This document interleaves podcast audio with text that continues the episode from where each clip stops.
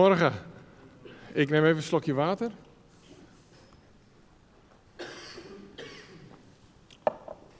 En even mijn, mijn dingetje aanzetten. Nou, goedemorgen nog een keer. Het is uh, altijd goed om hier te zijn, want uh, ik zeg wel tegen mensen, ik kom op heel veel plekken en ik ontmoet heel veel mensen en ook heel veel, hoe zeg je dat, voorgangers, gemeentestichters en verschillende plekken. Maar er is maar één Noordoostpolder. En, uh, en daar hoort Urk eigenlijk ook een beetje bij. We zitten een beetje heupen aan elkaar vast. Vis en aardappel, het hoort allemaal bij elkaar. En ik vind het altijd bijzonder, want weet je, als wij hier zijn met z'n allen, hier groeien onze kinderen op, hier gaan onze kinderen naar school, hier wonen de mensen waar we wat mee hebben, hier mogen we geven, hier mogen we dienen, hier mogen we met elkaar optrekken en ook zout en licht zijn in, uh, in de polder. En een beetje daarbuiten ook. En uh, ik vind het altijd bijzonder. Wij zijn nu een jaar terug en uh, het is een heel goed jaar geweest. Wij zijn heel dankbaar. De preek, de titel, hoe zeg je dat, van mijn preek is, en het staat erop, het omgekeerde koninkrijk. Het is bijna kerstfeest en dan vieren we de geboorte van Christus. En de persoon die eigenlijk in, in, in de volheid destijds hier kwam en het koninkrijk van God inluiden. Dat is eigenlijk wat Christus kwam doen of wat er gebeurde toen Christus kwam. Het koninkrijk van God uh, werd gevestigd op aarde. De blijde boodschap. Het goede nieuws van Christus. Het evangelie. Christus die de mens met God verzoende. En dat is ook een beetje de kerstboodschap natuurlijk. Met kerst luidde Christus dat koninkrijk in. En Lucas spreekt hierover. En ik dacht, als ik denk over het koninkrijk van God, dan denk ik vaak, het is eigenlijk een omgekeerd koninkrijk. En daar wil ik vanmorgen met u over spreken. Dat God laat ons zien dat het koninkrijk van God een heel omgekeerd koninkrijk is. Eigenlijk heel anders. Uh, ik probeer dit even. Ja, het omgekeerde koninkrijk, dat kan je doen met uh, PowerPoint. Kan je de letters kan lezen? Het om, nou, dat is dan duidelijk. het omgekeerde koninkrijk. God laat ons een ander zien. Um, en ik heb, wat is dan iets wat omgekeerd is, of ondersteboven, of achterstevoren? Er zijn heel veel woorden om dat te omschrijven. Ik heb het hier, dat is eigenlijk precies het tegenovergestelde wat wij denken te begrijpen in een situatie over het geloof of van het leven. Dat is mijn eigen, mijn eigen dingetje. Maar dan denk ik, dat is eigenlijk het tegenovergestelde. Als je zegt, oeh, dat is even anders. Ja, dat is dan het anders dan dat je dacht te begrijpen over het geloof of in het leven. Achterstevoren en vaak omgekeerd. Nou, ik kwam in, uh, la, in het, uh, wat was het, 88 kwam ik tot levend geloof. En in 89 kwam ik op de Logos 2 terecht. En Joop Strietman was er toen al, die, die sprak hier twee weken terug. En ik heb daar een verhaaltje over. Joop, die, die belde mij op. Ik was aan boord. Die zei, Hans, zou jij zondag met een ploegje jonge lui naar Hattem willen komen? Want dan moet ik preken. En dan kan je mijn preek een beetje opluisteren. Ieder predikant is wel eens gebaat aan een beetje opluistering. Dus, uh, dus ik zeg, nou, dat kunnen wij wel doen. Dus ik een groep jongelui en wij met een, een Ford Transit uit 1969. Die was toen 20 jaar oud, nu 50 jaar. Maar uit 1969 reed ik met een ploegje jongelui eerst naar Rotterdam. En toen via de A12, A27, A28 naar Hattem. Om dan Joop zijn preek wat op te luisteren. We hadden wat geoefend met elkaar, we zouden wat doen. En ik was zo gefocust. Wij zijn op weg naar Hattem om daar de preek van Joop op te luisteren of bij te staan en daar uh, met mensen te praten en zo. Nou, dus wij rijden daar op de A12 en ik stuur de uh, Ford Transit, een blauwe Ford Transit, en ik rij zo. En op een gegeven moment hoor ik me daar een klap. Ik hoor een metaal breken en ik, ik doe snel de koppeling in, want de auto hield ook direct in. En ik hoor geratel en ik denk, foute boel. Toch? Als je, foute boel, ik denk, oeps. Ik denk, uh, wij gaan niet naar Happen vandaag met z'n allen. en uh, er is er altijd één bij, dat weet je ook wel, die zegt... Uh, dus ik ga naar de vluchtstrook en ik, de auto die, die, die, loopt nog, want het motortje loopt nog. Het is de versnellingbak, die zit achter het motortje. Dus het motortje liep nog. En er is een meisje, wat, nog één ander Nederlands meisje bij, en die zegt... Laten we met elkaar gaan bidden. En ik weet nog dat ik dacht... Nou, jij kan bidden wat jij wil. maar wij komen niet in Happen met een busje. Maar goed, wij op de vluchtstrook en als goede OM'ers uh, bidden, verschijnen mensen bidden voor het busje en voor alles eromheen en zo. je, kent die gebeden, hè, dat doe je en dat is niet. Maar ik, zat, ik was er niet echt mee bezig met dat gebed, laat ik het zo zeggen. Dus uh, het motortje liep nog en uh, de versnellingspook zat vast. En ik denk, ik denk, er is hier vlakbij is de afrit naar, naar uh, Ermelo, Harderwijk. Ik denk, als ik er nou afkom, dan kan ik hem daar. Dus ik probeerde en ik kreeg hem nog wat aan de gang. Dus, dus het autootje loopt zo naar beneden en ik ga gelijk rechts en ga gelijk weer rechts. En het was een onverharde weg, ik weet het nog. En daar kwam de Ford Transit tot stilstand. En daar stond hij dan ook. En ik zeg tegen die jongens in de bus, want die, die zeggen, nou hier zijn we dan. Ik zeg, dit is het einde van onze reis. Ik zeg, ik loop even naar dit huis, want ik, was, ik, wilde, ik wilde de voorganger bellen dat wij niet zouden arriveren. Dus uh, ik, kom, ik stap uit dat busje en uh, we zaten daar iets van zeven of zes nationaliteiten in. Ik loop naar het huis en ik bel aan, ding dong. En er komt een meneer naar beneden, en net een meneer, en die staat voor het huis. En ik zeg, meneer, zou ik even uw telefoon mogen gebruiken? Want ik ben hier met een groep jongelui, we zijn onderweg naar Hattem. Hij zegt, wat, wie zijn jullie dan? Ik zeg, nou ja, een heel verhaal. Ik zeg, we zijn met een schip, liggen in Amsterdam. We zijn onderweg naar een kerkdienst in Hattem. En hij zegt, wat? Van welk schip? Ik zeg, van, oh, van de Logos 2. Hij zegt, hij begint naar zijn vrouw te roepen. Annie, Annie, kom naar beneden. En uh, Annie kwam ook naar beneden en ik sta nog bij de deur. Ik zeg, meneer, zou ik even uw telefoon mogen gebruiken? Dan kan ik even bellen naar Hattem. Hij zegt, ja. Hij zegt, maar breng ze naar binnen, breng ze naar binnen. Ik zeg, eerst even bellen. Ik wou eerst even bellen. Dus ik bel en die mensen komen naar binnen en die man zegt, moet u nu horen, zegt die meneer tegen mij. Hij zegt, u zult het niet geloven. Ik ben een ouderling in een, in een kerk hier in de Put of Ermelo, dat weet ik niet meer. En hij zegt, wij hadden een jonge dame hebben in die kerk die zo enthousiast over haar geloof. Die was bij mij gekomen, bij ons gekomen als ouderling. En die wilde uitgezonden worden naar OM om op een van die schepen te werken. En hij zegt, nou dat hebben wij nog nooit gedaan. Dat is iets helemaal nieuws voor ons. En ik had tegen mijn vrouw gezegd, laten wij naar boven gaan en laten we nou eens echt bidden. Dat de Heere God ons laat zien of dat nou goed is of niet goed is.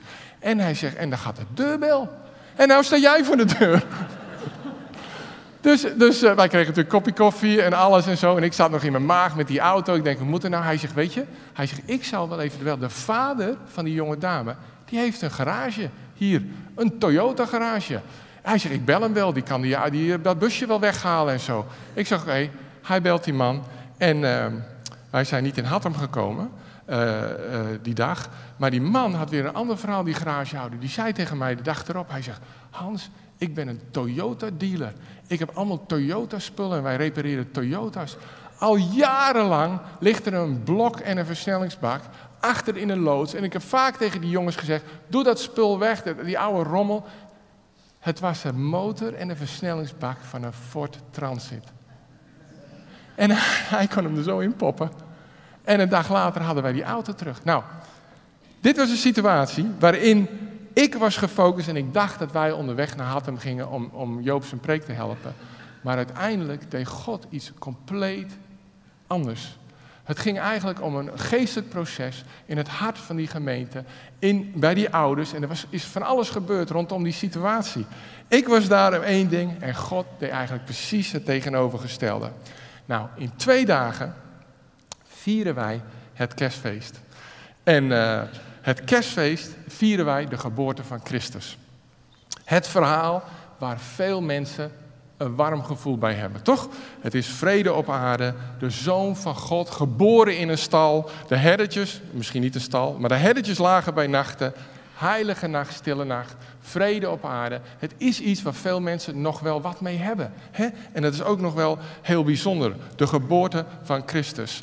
Um, ieder kerstfeest, denk ik, waarom, en dat denk ik vaak, waarom kwam de Zoon van God, ja? dus de Heere Jezus Christus, waarom kwam de Zoon van de Allerhoogste, dat staat in Lucas 1, of het licht der wereld in Johannes 8, waarom kwam Christus zo stilletjes de mensheid binnen? Eigenlijk als een baby geboren in een achtergelegen, onbekend, stoffig, provinciaal stadje op het platteland van Judea. Achter de vijandige linies eigenlijk kwam Christus zo heel stilletjes en heel gewoon de wereld binnen. En Christus laat ons eigenlijk al direct met het kerstverhaal al zien dat het vanaf het begin bij hem om andere dingen gaat dan wij vaak gewend zijn. En hier laat hij eigenlijk dat omgekeerde koninkrijk zien. En dan gaan we over lezen. Ik wil het schriftgedeelte dat ik wil lezen, is Lucas 2, versen 1 tot 2. Dus is een kort schriftgedeelte. Daar heb je Lucas, de apostel, de arts uit Syrië. Dat ligt in Antioch, dat is nu Turkije. En Lucas zegt het volgende in Lucas 2, de versen 1 tot 2. En het staat hierop. In die tijd kondigde keizer Augustus een decreet af dat alle inwoners van het Rijk zich moesten laten inschrijven. De eerste volkstelling vond plaats tijdens het bewind van Quirinius over Syrië. En uh, ik heb een eh, SPQR, dat staat eigenlijk voor uh, het Romeinse Rijk. De Senaat en het volk van Rome heb ik er even bij gedaan om het wat op te fluisteren. En het kerst, hoe heet dat? Kerstblaadje. Ja. Dus, maar hier hebben we het eigenlijk, als we kijken naar deze tekst, dan zie je, het spreekt over twee hele belangrijke, imposante figuren uit de oudheid. Twee mensen die iedereen kende. En wat deden die? Die vaardigden een decreet af. En die decreet, wat is dat? Nou, een, decreet is, is een uitgevaardigde opdracht gemaakt door een regeringsleider, dus door de baas, die de status van wet heeft. Een decreet. Nu noemen we dat anders, maar er zijn, er zijn uh, in Roemenië was er een uh, decreet 77, dat was van Ceausescu. En er zijn andere echte, uh, die wilden dat het Romeinse Rijk vol werd, of groot, of het, ja, groot werd in Ro Roemenië. En die, die hebben echt een decreet afgevaardigd. En je ziet het nog wel bij echt die leiders, die soort van dictatorachtige figuren, die dan een decreet afvaardigen, die dan de status heeft van een wet en waar iedereen zich aan moet houden. Nou, dat gebeurde hier. En er staat, ik heb uh, hier eentje van keizer Johan, die had uh, ook dat gedaan, een, een uitgevaardigde opdracht gemaakt door regeringleiders. Iedereen moest naar de stad of het dorp van zijn voorhouders gaan om zich te laten inschrijven. Nou, wie was die regeringsleider die dus die decreet afvaardigde? Um, dat was dus uh, deze meneer. En je ziet hem al staan, dit is de keizer van het Romeinse Rijk. Dus dat is um, hoe heette die? Die heette Augustus. Toch? Ja, zo heette die. Augustus. En je ziet de Romeinse keizer staan en hij heeft zijn vingertje zo, hè? En we hebben die films wel gezien, dan gaat het duimpje omhoog. Heb je gezien in het Colosseum?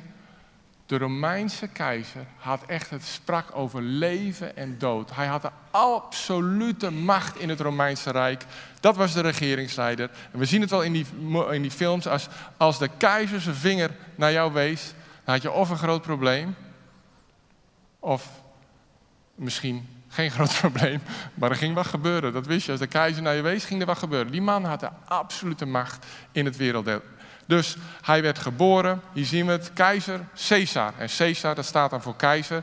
Hij heette Gaius Julius Caesar, Augustus Octavianus. Nou, dat is een mond vol.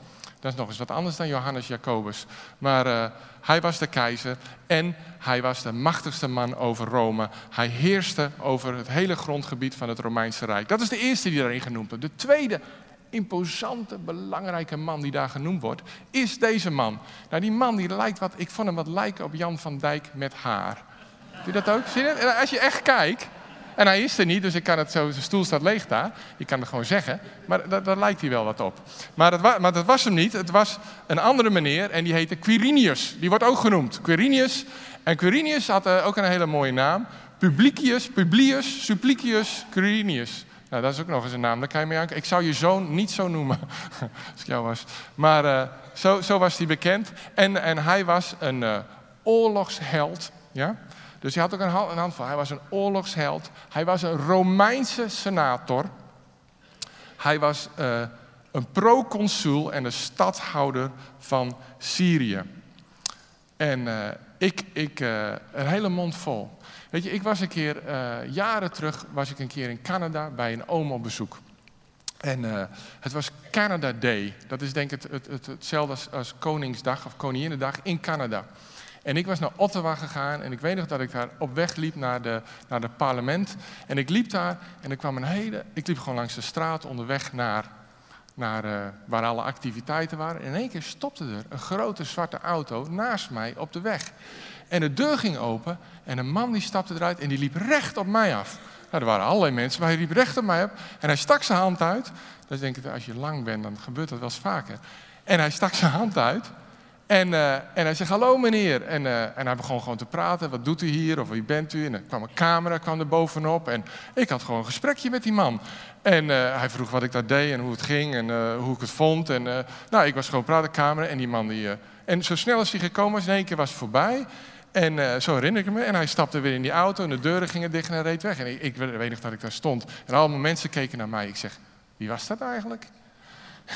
Ze zei, weet u dat niet? Dat is de premier van Canada. Dus, dus als je op de Dam loopt en Willem-Alexander stappen nou, die geeft je een hand, die gaat praten. Je hebt geen flauw benul wie je was. Nou, dat was ik onnozele Hans, ja, die daar helemaal niet... Maar ik weet zeker, als uh, keizer Caesar uh, gestopt had met zijn karretje, Iedereen wist wie die man was. Er stond op de munten en hij was de absolute heerser. En er was hetzelfde met Quirinius. Die, uh, die wist ook met al die titels. Ik zeg wel eens, ik, uh, ik heb ook een paar titels, die mag ik voor en achter. Maar ik denk, als ze mij voorstellen, dan zeg ik wel eens, ja, wat zouden ze zeggen? Ik denk dat het Hans van Baren Boerenpummel is of zoiets, weet je wel. Of Lange Boerenpummel. Maar daar houdt het dan wel mee op. Maar deze meneer, was een hele bekende meneer. En uh, met, uh, met heel veel uh, namen. Dus, nou, en die mensen die hebben samen iets bedacht. Met een leger van advocaten hebben ze een decreet uitgevaardigd. En dat was een enorme, innovatieve, slimme, baanbrekende decreet. Want deze decreet, en dat stond er ook, die moest iedereen dus terugbrengen naar het dorp waar hij vandaan kwam. En, uh, en uh, ja, Jozef en Maria, die kropen op een ezel en die gingen ook naar, uh, naar Bethlehem. En dat verhaal kennen we. Dat is eigenlijk het begin van het kerstverhaal, of wat we lezen. Ze gaan naar Bethlehem. En waarom? Waarom? Nou, natuurlijk, ze hadden geen keuze. Ze moesten gaan. Maar waarom gingen ze daarheen? Twee, om twee belangrijke instituten van het Romeinse Rijk te versterken. En dit is allemaal de achtergrond van het verhaal. Die decreet had als doel om twee belangrijke instituten te beschermen. Het eerste was de Romeinse staat. En de Romeinse staat die liep uh, uh, natuurlijk over een heel gebied, dat zien we ook daar. Uh, de Romeinse staat wordt hier geïntroduceerd. En feitelijk, het hele doel van die decreet was het opzetten van een belastingstelsel. Daarom moest iedereen naar zijn woonplaats. Hier wordt feitelijk ons belastingstelsel geïntroduceerd. Om een manier te creëren om van deze mensen belastingpenningen te innen en te heffen. Belastingen, het systeem wat we nu gebruiken, en wij kennen het bijvoorbeeld, we hebben inkomstenbelasting, en we hebben wegenbelasting, en we hebben BTW, en we hebben invoerrechten en BPM, en we hebben accijns, en we hebben het kwartje van Kok, die hebben we ook nog. Uh, meneer Kok is er niet meer, maar het kwartje is er nog wel uit 1991. De Belastingdienst int, int belastingen. En de ontvangerbelastingen worden gebruikt om de Nederlandse staat te onderhouden. Nou, dit was de eerste Romeinse keizer. En die introduceert hier een geweldig belangrijk initiatief in het Romeinse Rijk. Een manier om mensen belasting te heffen. Dus dat is op de achtergrond dat gebeurde. Dus dat is het eerste. Uh, zodat iedereen geregistreerd werd en kon belast worden met het kwartje van Caesar. En dat is gebeurd. Het tweede instituut wat in, uh, in stand gehouden moet worden, is natuurlijk het Romeinse leger. Uh, Rome had jonge mannen nodig die die legioenen moesten vullen. En uh, via volkstellingen konden ze mannen mobiliseren in het leger. En ik denk, uh, er werd heel wat afgevochten in die tijd. En door die dienstplicht konden die, die uh, legioenen opgevuld worden met jonge mannen uit het hele Romeinse Rijk. Dus dat waren twee hele belangrijke instituten die daar in stand gehouden worden. Het machtige Romeinse legioen die vocht tegen de barbaren, tegen de Germaanse stammen, tegen de Kelten. Mijn vrouw is een beetje Kelt. Um, Hannibal, maar ook in Sneek tegen de Friezen, weet je wel, want het hield hier allemaal een beetje op het Romeinse Rijk. En tegen de Batavieren rondom Utrecht. Ik bedoel, er werd heel wat afgevochten en ze hadden die mannen nodig. Dus dat is eigenlijk het verhaal waarom keizer Augustus de decreet afvaardigde. Echter, als we kijken naar het verhaal, dan leren wij in hoofdstuk 2 de werkelijke reden van dit hele verhaal. het omgekeerde. Het verhaal is namelijk niet het verhaal van Augustus Caesar. Ja. Het is ook niet het verhaal van Quirinius. We hebben een paar kruisen doorheen gezet. Het is niet het verhaal van Quirinius. Eigenlijk is het het verhaal van twee, wat ik noem, nobodies. Twee nobodies. Het werkelijke verhaal. En dan denk ik, ja, dat ben ik. Ik ben echt eigenlijk een soort. Eigenlijk, wij zijn allemaal, zoals we hier zitten, een stelletje nobodies, uh, denk ik. Nou, moet ik het even wat genuanceerder brengen? Wij zijn geliefd door God.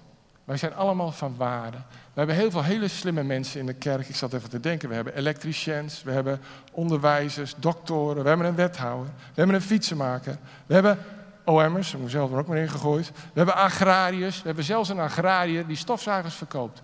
Wij hebben alles in de kerk, in de gemeente. Maar als we echt eerlijk zijn, op het wereldtoneel, ja, dan, dan zijn we toch wel nog wel een stelletje nobodies, of niet, met elkaar. Ja, dat moeten we toegeven. We zijn geen Caesar Augustus. En dan ben ik ook. Maar, dus hier heb je het verhaal van twee nobodies die hun weg op weg zijn van het ene onbelangrijke, vergeten gehucht of gat in het Romeinse Rijk naar het andere onbelangrijke buurtschap van het Romeinse Rijk op een onnozele, onnozele ezel. Mag je een ezel onnozel noemen? Ik weet het niet. Maar het was geen paard of rijtuig of iets waardigs. En ik dacht een beetje, ik zat te denken, het is eigenlijk een beetje als koning Willem-Alexander in plaats van de gouden koets in Den Haag naar de ridderzaal, op een oude, piepende bakfiets met een lekke band van Luttelgeest naar Kuinderen in een bouwkeet in het Kuinderbos de troonrede geeft. Een beetje een vergelijk. Maar, maar het, is wel, het is wel dat vergelijk als je die vergelijk hebt tussen die twee. Dus het verhaal ontpopt zich het, van twee heersers eigenlijk. En dan heb je het ene verhaal, is dat een machtige man uit Rome met zijn geld, met zijn uh, superieure leger, van, met bewapening, discipline, techniek, tactiek. En het andere verhaal is eigenlijk het verhaal. Dat is het verhaal. En dat is het verhaal van uh, het kleine stoffige gehucht in Bethlehem. Het contrast, contrast Jozef en Maria en de keizer en Quirinius kan eigenlijk niet groter zijn.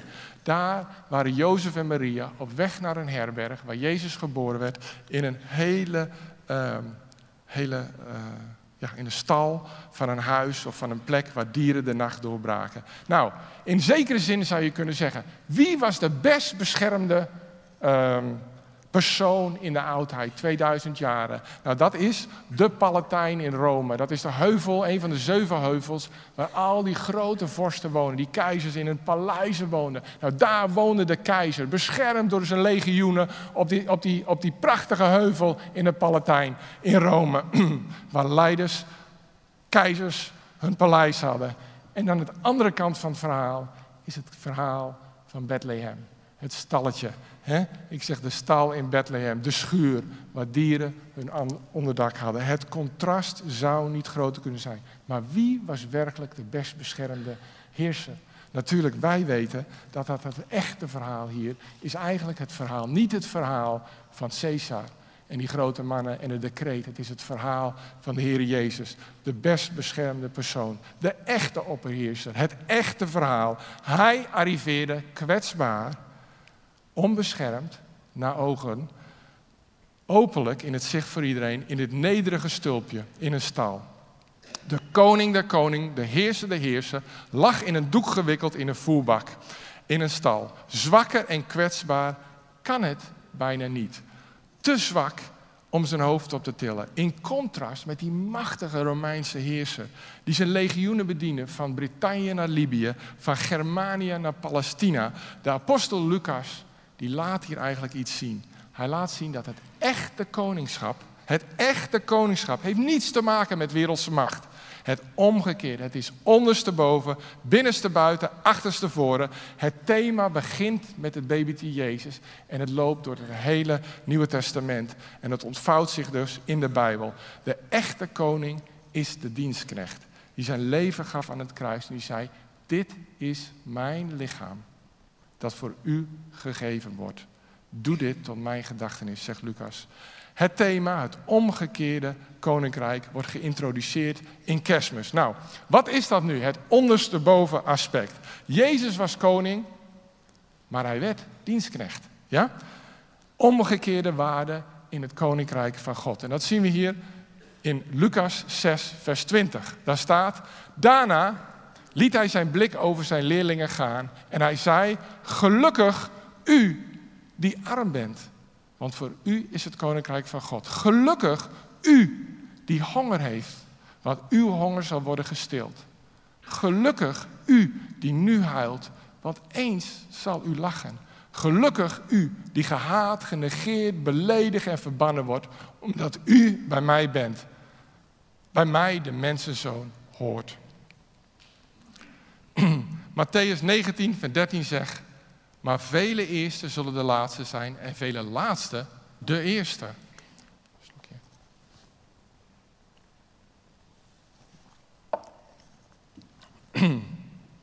Waarom zegt hij dat? Dit patroon, wat we hier zien, imiteert eigenlijk de weg van Christus, beginnende bij zijn geboorte. Hij laat zien wat voor gesteldheid wij nodig hebben om tot Christus te komen.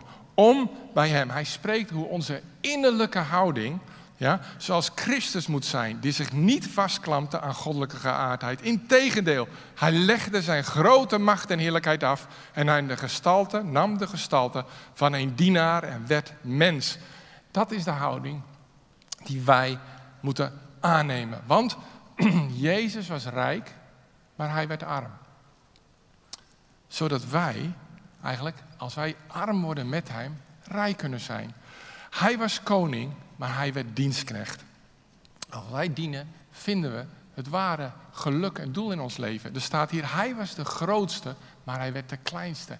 En die houding van ons hart om nederig en klein te zijn, is wat ons eigenlijk weer groot maakt. Wat ons leven geeft. Hij was de grootste. Hij won door alles te verliezen.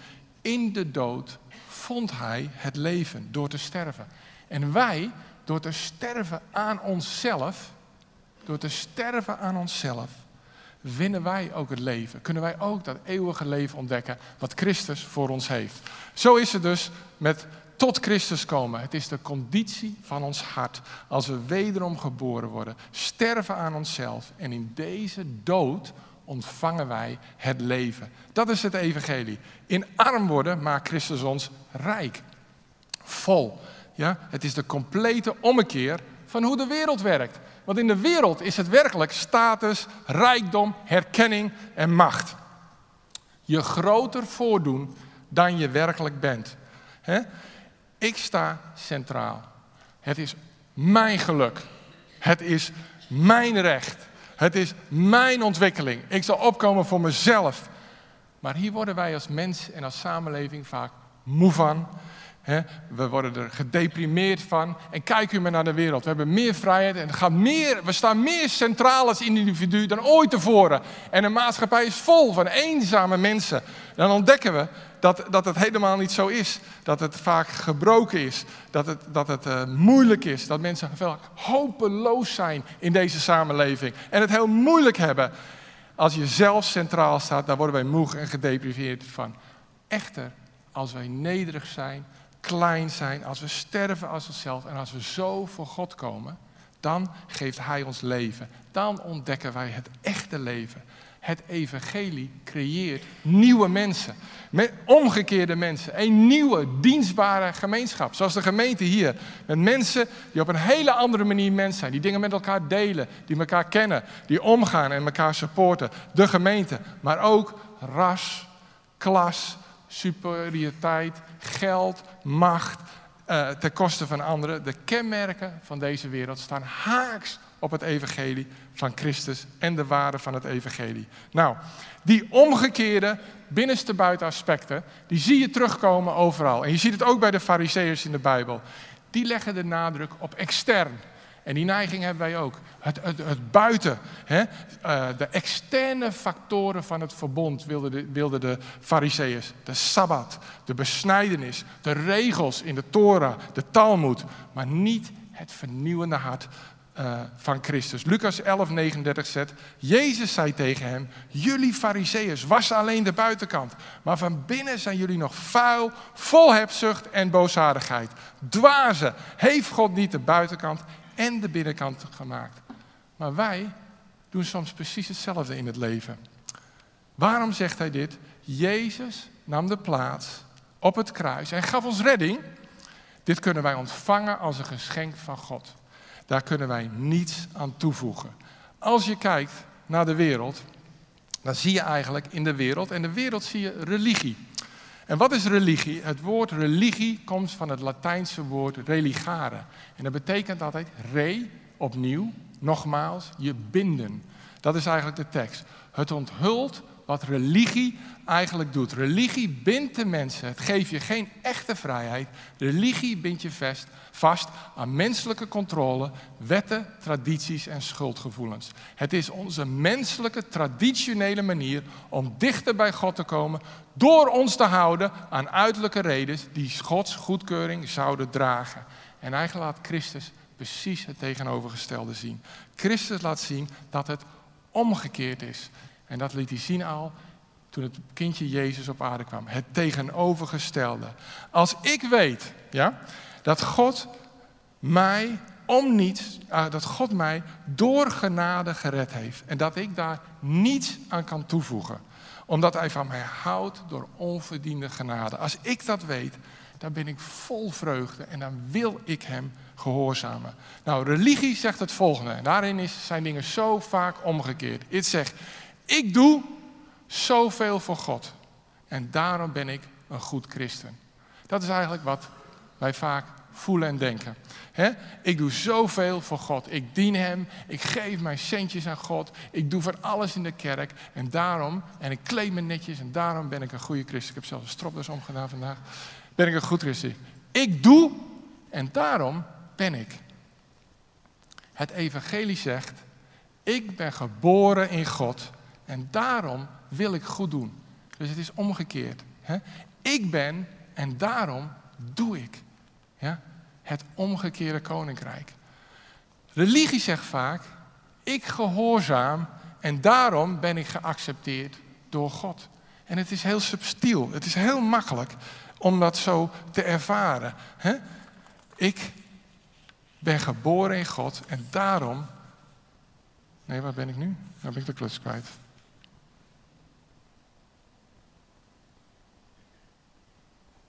Ja.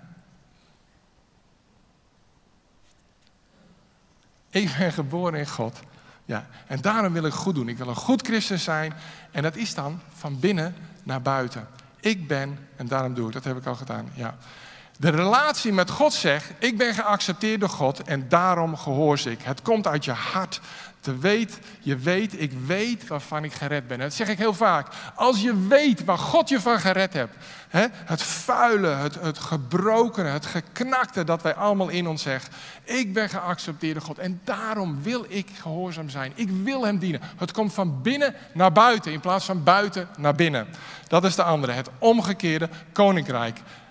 Ik ben geliefd door God. Religie zegt, mijn motivatie, straks, nee, hij is al langsgekomen. De, de, de, de offerbakje hè, is al langs geweest, die hebben we al gezien. Mijn motivatie om te geven, te dienen en te getuigen is gebaseerd op vrees, onzekerheid, schuldgevoel en plicht. En het is heel subtiel. Het is heel makkelijk om in zo'n situatie terecht te komen. Waar je altijd maar het gevoel hebt dat je meer moet doen. En die motivatie om meer te doen en dingen op te pakken en te geven en te dienen, is soms gebaseerd op de dingen die daar staan. Op een schuldgevoel, of op dwang, of op plicht, of ik moet. Maar het evangelie, de Bijbel, het evangelie zegt eigenlijk, Christus zegt, je motivatie om te geven, om te dienen, te getuigen, is gebaseerd op dankbaarheid, vreugde en blijdschap van God. Het is wat Hij voor ons gedaan heeft. Dat is mijn motivatie. Uit die genade mag ik geven, mag ik dienen, mag ik getuigen. Het omgekeerde koninkrijk. Dan de volgende, zeggen we gezegd, gebed. En dat is een andere. Als wij bidden. Bidden is vaak gebaseerd, en ik ken het soms in mijn eigen leven, op een lange lijst van noden En gebed groeit als die nood groter wordt. En ik wil mijn omstandigheden beïnvloeden. En dat is vooral als er pijn en moeite is, of dingen gaan fout, of dreigen fout te gaan. En in één keer ben ik aan het bidden. En dan heb ik een lange lijst van noden en dingen. Dan wil ik aan God ingrijpen, en, en op wat voor manier ook. Maar wat Jezus eigenlijk ons leert, is het omgekeerde. Het is gebed is gebaseerd wat? Op lofprijs, op aanbidding. Als dat heerst in ons hart, die blijdschap, die, die, die vreugde dat wij bij God mogen horen en dat begrijpen. Dat we die wederom geboren te hebben meegemaakt in dit omgekeerde koninkrijk. Dat we zeggen, Heer, ik hou van u. Heer, ik, ik ben dankbaar. Ik heb zoveel om dankbaar te zijn. En ik wil zo graag bij u zijn en u aanbidden. En daarvan uit ontstaat ons gebed. Dat is de omgekeerde manier van het koninkrijk van God. Dan heb ik hier gezegd, ik, mijn zelfbeeld, en dat is weer heel subtiel. Ik denk dat we het herkennen. Mijn zelfbeeld is gebaseerd op hoe hard ik werk. Nou, ik ben opgegroeid met een vader. Dat was onze hoogste, uh, hoe zeg je dat, uh, waarde in ons gezin. Was hard werken, niet zeuren, doorgaan, niet klagen, hup, blijven doen. En als ik, als ik zaterdag om vier uur op de bank zat, zei mijn vader...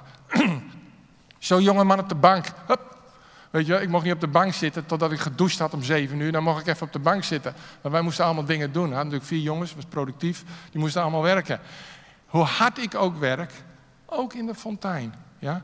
En hoe goed en succesvol ik ben. Mijn zelfbeeld is daarop gebaseerd. Ja? Ik kijk misschien ook wel een beetje neer op hen die het slechter doen als mijzelf of ik. Maar mijn zelfbeeld is helemaal gerelateerd aan mijn arbeid en hoe hard ik werk. En Jezus leert ons het tegenovergestelde. Hij zegt, mijn zelfbeeld is niet gebaseerd op hoe hard ik werk en hoe goed en succesvol ik ben, maar op Christus, die voor mij en mijn vijanden stierf. Door Gods genade ben ik wie ik ben en ik kan niet neerkijken op andere mensen. En daar hoort ook vaak bij, en dat denk ik ook vaak, het, het, het, eh, hele feit van, ik hoef niet argumenten allemaal te winnen. Ik, ik hoef niet... Uh, uh, hoe zeg je dat, uh, altijd eerste zijn. Als mensen mij bekritiseren, dan hebben ze waarschijnlijk een punt, want er valt zat te bekritiseren aan mij. En het is ook niet dat er alles daaraan vast staat. Het is natuurlijk niet fijn als mensen dat doen, maar, maar, maar mijn uh, zelfbeeld is niet gebaseerd daarop. Hij heeft mij gered en alles is genade. Alles is genade. Het komt uit ons hart. En ik weet daarvan, het omgekeerde koninkrijk. Als we naar het omgekeerde koninkrijk kijken, dan, dan is het afleggen van ons leven, het sterven aan onszelf. Daarin ontvangen wij het nieuw leven van Christus. Met als doel zingeving, hoop, toekomst en ook een stukje geluk. De hele wereld is op zoek en drijven naar geluk en plezier. Maar het werkelijke geluk kunnen wij vinden juist om onszelf af te leggen en niet centraal. Dat is het omgekeerde koninkrijk van God. In het geven van uw geld, tijd en talenten zult u ontvangen. Dat zegt de Heer Jezus in de Bijbel. U zult vrij zijn, niet gevangen. Uw auto is u niet de baas, u bent uw auto de baas. Uw huis, uw mogelijkheden. U gaat begrijpen dat ze nooit echt van u waren. Het behoorde altijd al aan God toe. Het is van Hem. In het dienen van God en anderen vinden wij vreugde. Want wij staan niet centraal, maar God staat centraal. En het gaat om God. En daarin zullen wij leven en overvloed vieren.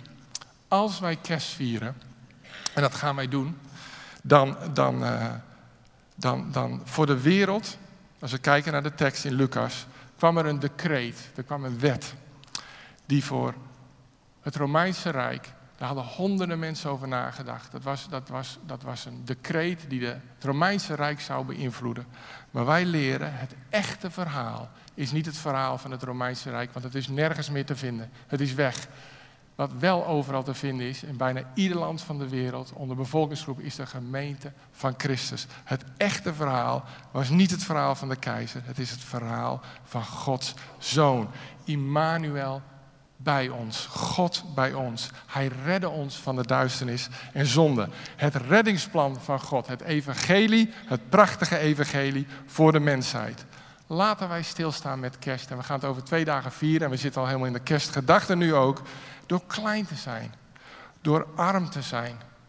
Door dood te gaan aan onszelf. Te sterven aan onszelf. Door nederig te zijn.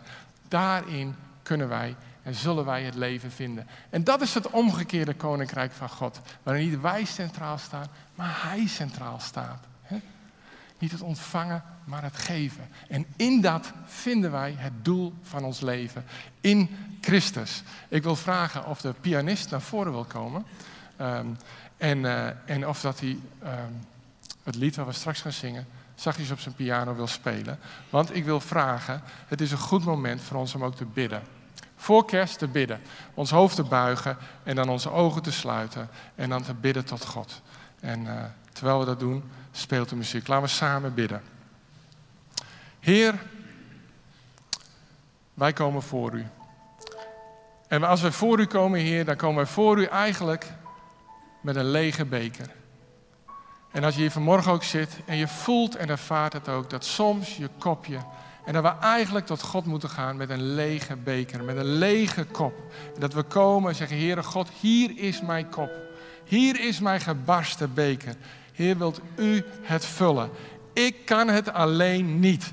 Heer, als ik denk aan uw liefhebben, als ik denk aan het geven, aan alles wat wij onszelf opleggen, het lukt me niet. Mijn kop is leeg, maar ik kom bij u en u wilt onze beker vullen. Wilt u mijn kop opnieuw vullen? Wilt u mij het leven geven? Het leven waar het is, een leven uit genade.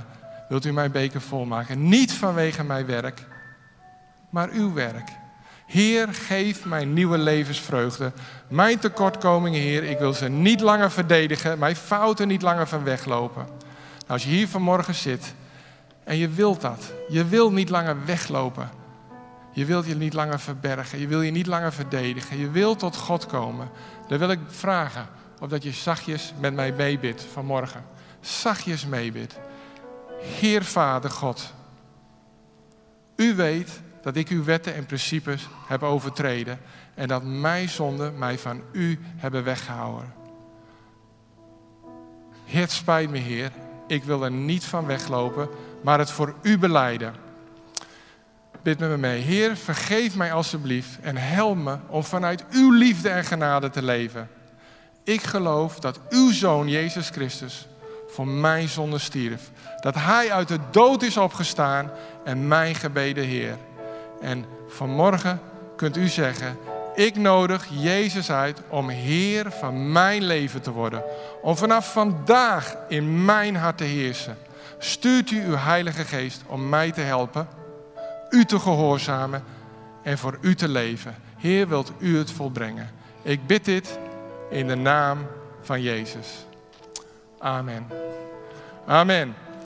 Als u dit gedaan heeft, als u bidt of u opnieuw toewijdt of bidt, is denk ik heel belangrijk, en dat zeg ik vaak, om er met iemand over te praten. Het praten over wat de stappen die we nemen met God, is, is wat het, wat het uh, vastlegt. En het is heel goed om erover te praten. Om een e-mailtje naar Bert Boer te sturen of naar je vriend, je buurman uh, in de kerk, maar om erover te praten wat God doet. Want die toewijding, dat is een stap die we allemaal herhaaldelijk nodig hebben. Om ons nieuw toe te wijden aan het omgekeerde koninkrijk. Waar niet wij centraal staan, maar God. En dat daarmee wij tot ons doel en recht komen. We gaan samen zingen.